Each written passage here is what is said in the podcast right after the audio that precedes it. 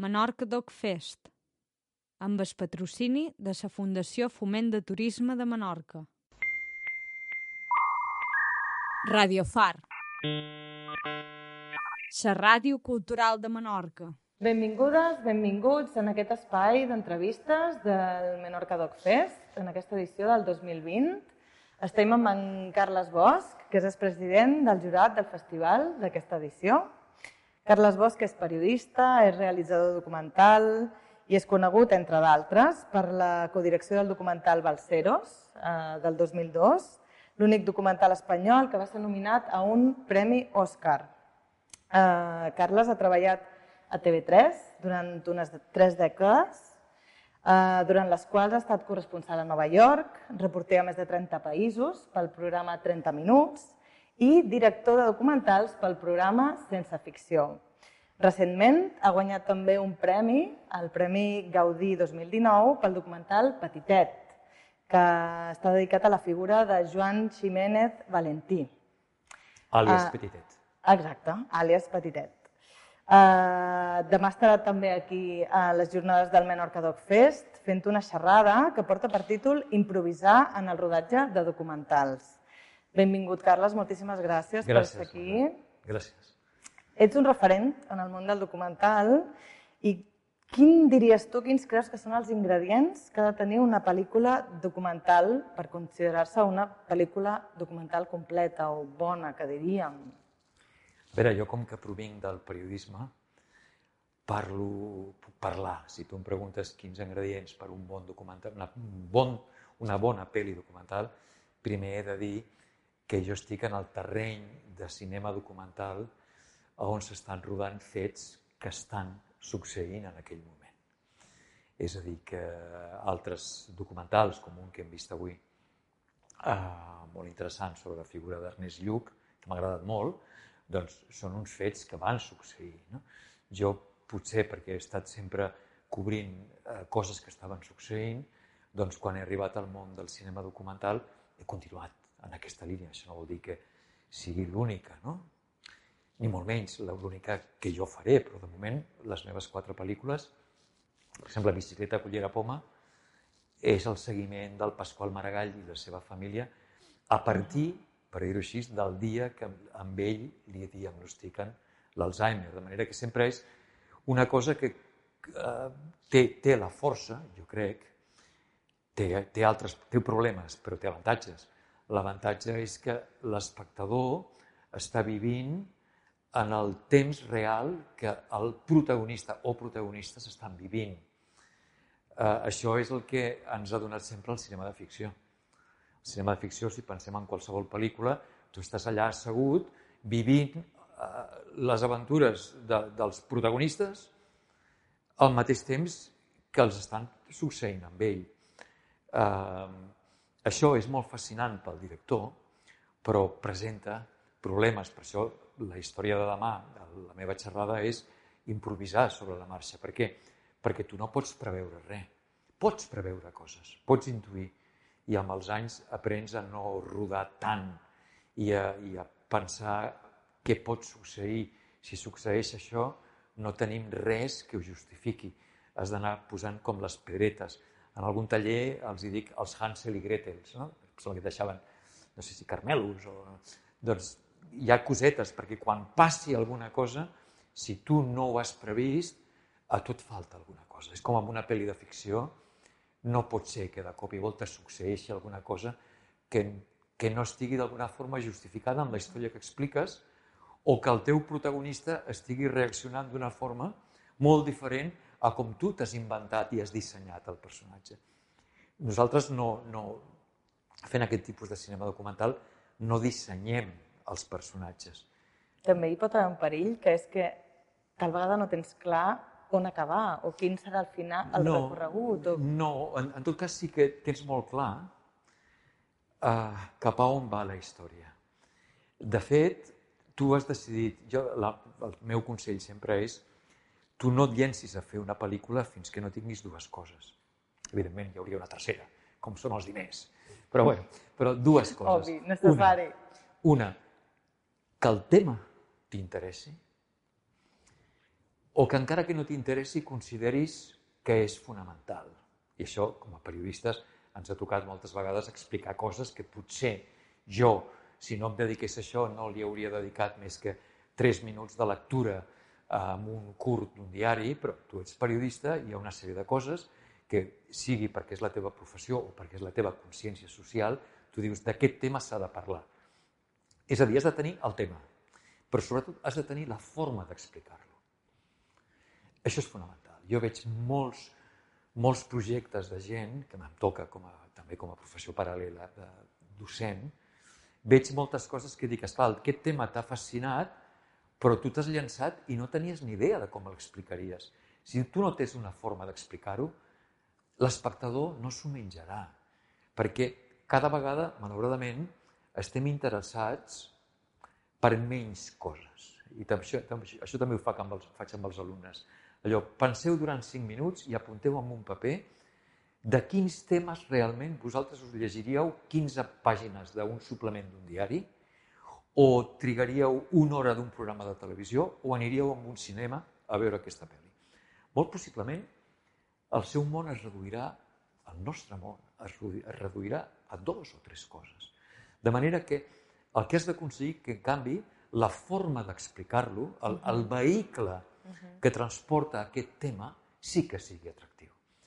I en aquest sentit, jo considero i començo a respondre, finalment, la teva pregunta, els ingredients per a aquest tipus de cinema documental. Doncs has de tenir, has de tenir ganxo, has de, hi ha d'haver ganxo, hi ha d'haver alguna història que t'atrapi, hi ha d'haver bons personatges, has de tenir clar, jo diria al cap d'uns quants minuts, quina és la proposta que t'està fent el director, uh -huh. cap a on va aquest personatge, què és el que s'està proposant, m'és igual si és ser feliç, eh, ara si parlem en una pel·li de ficció, ser feliç, deixar les drogues, conquerir a tal persona, eh, fugir de la presó. Sempre hi ha un objectiu. De vegades hi ha, inclús més enllà de l'objectiu evident, hi ha altres objectius molt més inconfessables. En el cas de Petitet, per exemple, vaig descobrir quan anava rodant moltes coses més enllà del seu objectiu claríssim. Un, un gitano rumbero li ha promès a la seva mare quan s'estava morint la mare, jo tornaré a posar la, la rumba a dalt de tot en un gran teatre amb una sinfònica. Aquí ja tens un objectiu. Però després t'adones que hi ha ego, que hi ha ganes de tornar a ser algú, que hi ha ganes que la seva família, eh, ell com a masclista, perdonablement, masclista no vol donar de la cultura gitana que la seva dona i la seva filla s'hagin de dedicar a unes feines no pròpies dels, de la cultura gitana. Perdó, eh? Haurem de parar. Em sembla que és el meu. Fatal, però...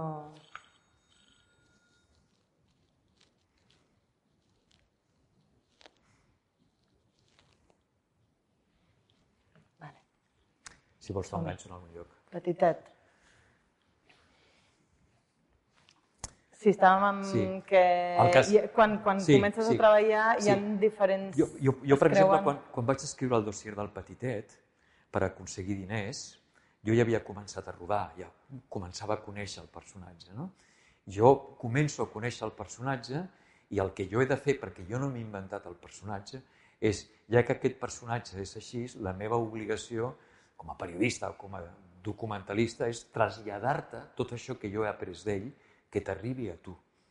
No hi haurà la meva veu en off, perquè en una pel·li documental, això no vol dir que no hi hagi molt bones pel·lis documentals amb, amb un bon narrador, però les meves pel·lis no tenen un narrador. No? De manera que tot allò que jo he après, com li trasllado al, al, com... Jo no m'estic inventant el personatge, el personatge és així, jo he d'aprendre a fer-li arribar a l'espectador que el personatge és així. I com que el personatge és així, aquesta promesa que s'ha fet a ell mateix, aquest objectiu similar al que podríem trobar en moltes pel·lis de ficció, aquest personatge, perquè és així, al llarg de la pel·li serà així. Això sí que és atractiu per l'espectador. Mm.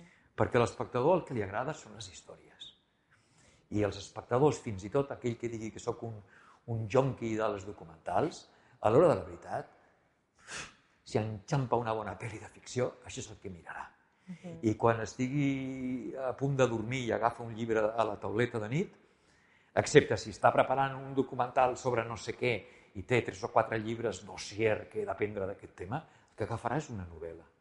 En una novel·la sempre hi ha una cronologia. Això no vol dir que totes les pel·lícules, dins d'aquest terreny que jo faig, el vector principal, allò que fa que la pel·li comenci aquí i acabi allà, no sempre pot ser la cronologia. Cronològic. Però, si pensem en les pel·lis de ficció, excepte dues o tres cada dècada, sempre hi ha una cronologia que ordena els fets.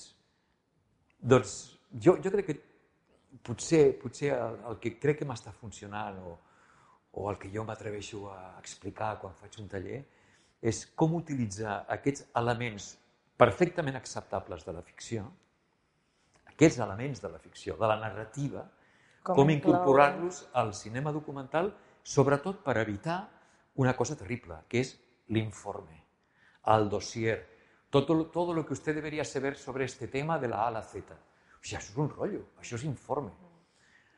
Una pel·li documental, d'entrada, és com explicar aquest tema que sigui atractiu. I... L'altra cosa fonamental, i que els teus productors t'agrairan, és que el cinema documental el que no pot ser és que al cap d'un mes o dos mesos o inclús un any s'hagi convertit en un periòdico de ayer. Okay.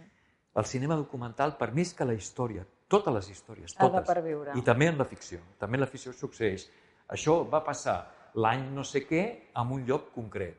I, és a dir, sempre és puntual, amb l'espai i en el temps. Però aquesta història que estàs explicant has d'aconseguir que hi hagi alguna cosa per allà flotant, molt més universal que aquesta cosa puntual en l'espai i en el temps. I que sempre resulti interessant. I això és el que fa que al cap d'uns anys puguin veure una pel·li teva dient sí, succeïa a Cuba any 94, però està succeint avui mateix a la Mediterrània o, o a la frontera entre Mèxic i Estats Units. Uh -huh. Quines diries que són les diferències entre el documental de televisió i el cinema eh, documental, i si haguessis d'escollir, amb quin et quedaries? Jo, des que vaig eh, tenir la sort, perquè no, ha sigut un cop de sort a la vida, d'haver fet una primera pel·lícula amb els Ceros, quan encara m'estava dedicant al, al reporterisme a televisió, uh -huh. jo vaig descobrir que, primer, que no deixava de ser periodista, uh -huh. cosa que bueno, encara tenia ganes de continuar sent periodista, o ho seré sempre, però sobretot hi ha un plaer en la forma, hi ha, hi ha una cosa meravellosa, hi ha silencis, el silenci. Hi ha, eh, tu, tu em preguntes la diferència entre el documental televisiu o, i el, la pel·lícula documental. Potser és més senzill fer la diferència entre reportatge televisiu i pel·lícula documental. El documental el podríem posar una mica al mig, uh -huh. com a potser un, un pas, és un pas intermig. No? Uh -huh. En el reportatge televisiu, en línies generals, tu t'has de creure el que el periodista t'està explicant. El periodista t'està explicant pràcticament inclús què és el que ells pensen, què és el que fan i per què ho fan. Tu, amb una pel·lícula documental, el que has d'aconseguir és que sigui l'espectador que vagi aprenent, aprenent, aprenent. I amb una hora i mitja o dues hores, fins i tot aquesta dosificació de la informació és un superplaer a l'hora d'anar fent el guió, que jo el faig sobre la marxa. Però la vas fent. Tu, jo dic, aquesta persona vol, la, vol arribar fins aquí.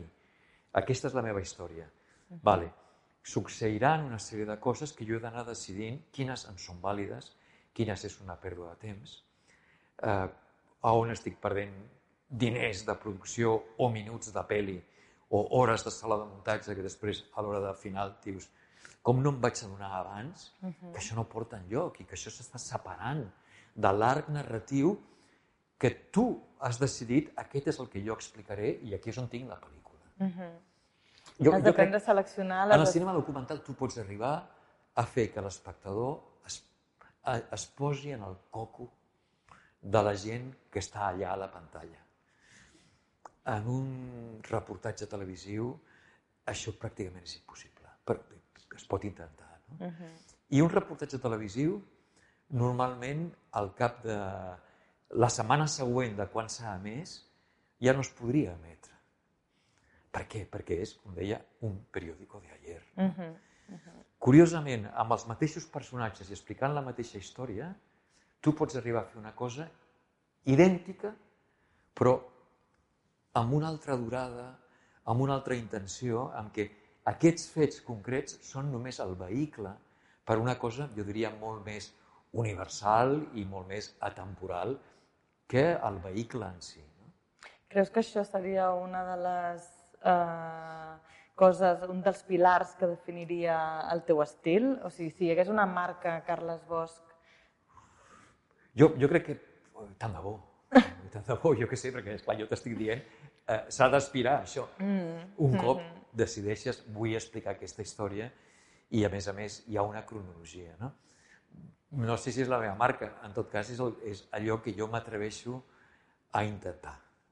És el que ambiciones, no el que aspires. No? No? Uh -huh. En quin percentatge intervé la improvisació en el rodatge dels documentals o almenys en els teus rodatges? Bueno, la improvisació jo diria que és... Un cop has decidit aquest tema m'agrada o aquest tema és necessari. I crec que tinc la forma d'explicar-lo. I a més a més els quatre duros que tinc em permetran eh, durant uns mesos anar tirant. I dedueixo que aquesta pel·lícula va cap aquí i que aquest serà el final. I si no és aquest el final eh, hem de treballar per si hi ha un final alternatiu que sigui igualment... Era, jo no sabia si els, si els balseros arribarien o no als Estats Units. Si no arribaven, és molt possible que a la meitat diguis ostres, eh, no sé si tinc un arc narratiu que vagi a algun lloc. Crec que com a periodista el que tampoc pots fer és no tenir la capacitat de variar en el moment en què tu t'adones que allò que volies explicar no és exactament com tu havies pensat. Jo he vist alguns periodistes que... que això és de mal periodista, que, no? que tenen una idea concreta i, i allà s'han quedat. Has de tenir certa capacitat de dir m'estava equivocant, la vida no és així. La doncs, història doncs, ha canviat per ella mateixa. Tinc pel·li, hi ha, hi ha perills, jo, jo, jo he perdut, jo, jo he deixat de, alguna pel·lícula quan ja portava mesos rodant, perquè m'he adonat que allò no era tal com jo m'ho havia imaginat i, i bueno, doncs has perdut. Té, té aquest perill el tipus de cinema que jo faig. No? En el cas de Petitet, jo per exemple no vaig anar a buscar productors fins que ja portava un any rodant. Uh -huh. I, I no era segur si el, que el petitet aconseguiria complir la promesa a la seva mare. Però si no ho hagués aconseguit, vaig, vaig intuir que hi havia un final igualment atractiu.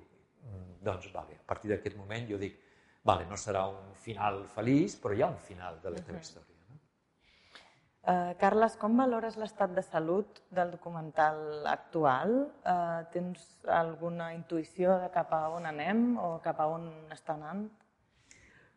Jo no, jo no, no sóc la millor persona per contestar-te, perquè potser jo m'he quedat penjat amb la meva forma de fer. La meva forma de fer considero que encara és necessària perquè hi ha moltes històries que s'han d'anar explicant, històries importants que les televisions no tocaran o que cada vegada a la tele també hi ha més competència, més canals i la gent vol potser... Esclar, això ens va succeir en el programa 30 minuts, no? i jo penso que quan a mi em deien oh, la teva primera pel·li has estat nominat a l'Oscar, dic sí, però porto 15 anys treballant prime time explicant el tema de l'atur, el tema del SIDA, la guerra dels Balcans, quan ja hi havia molts altres canals o moltes possibilitats de que canviessin el canal. Doncs la forma d'explicar allò, aquesta forma que et deia abans d'intentar que això sigui atractiu, tot i que jo sé que tu, la guerra dels Balcans, o bé t'importen un pepino o ja no vols sentir més coses dures, uh -huh. aquest aprenentatge de com explicar les coses perquè siguin païbles, perquè siguin interessants, per, perquè la gent, com, com també t'he dit, els personatges i les històries interessen. Això interessa, a tothom ens interessen les històries i els personatges. No? Doncs com aconseguir-ho? No? Clar, les televisions cada vegada costarà més que, aquest, que el periodisme d'una cosa d'una hora i mitja, eh, això comença a ser difícil. Les televisions de vegades et demanen d'alguna pel·li teva no tindràs una versió d'una hora en lloc de l'hora i mitja? Curiosament, també t'estan demanant escolta'm, perfecte, I ja que l'has feta com a llargmetratge, esperarem a veure si la pel·li té èxit com a pel·li, perquè aleshores la passarem en el nostre canal perquè els premis donaran més audiència. No? Sempre és un valor afegit de cara al públic, no? Els atrau una Però miqueta més. jo crec que la nostra feina és encara necessària i, en canvi, veig que els festi alguns festivals de cinema importants i algunes escoles de, de cinema documental estan fugint cada vegada més del tipus de documental de contingut periodístic. Crec, crec que cada vegada Que sempre és els interessa més aquella persona que explica el seu malic o, o la casa de mi abuela o el no sé què, no? Mm. Hi, ha, hi ha una certa tendència a coses molt més de, mira, de, de mirar cap a l'interior i no pas de mirar cap a l'exterior. Mhm. Moltíssimes gràcies, Carles, per estar aquí en el Menorca Doc Fest i per atendre'ns. Molt bé. I ens veiem demà a la teva xerrada. Gràcies a tots i a totes. Gràcies. Radio Far. La ràdio cultural de Menorca. Menorca Doc Fest. Amb el patrocini de la Fundació Foment de Turisme de Menorca.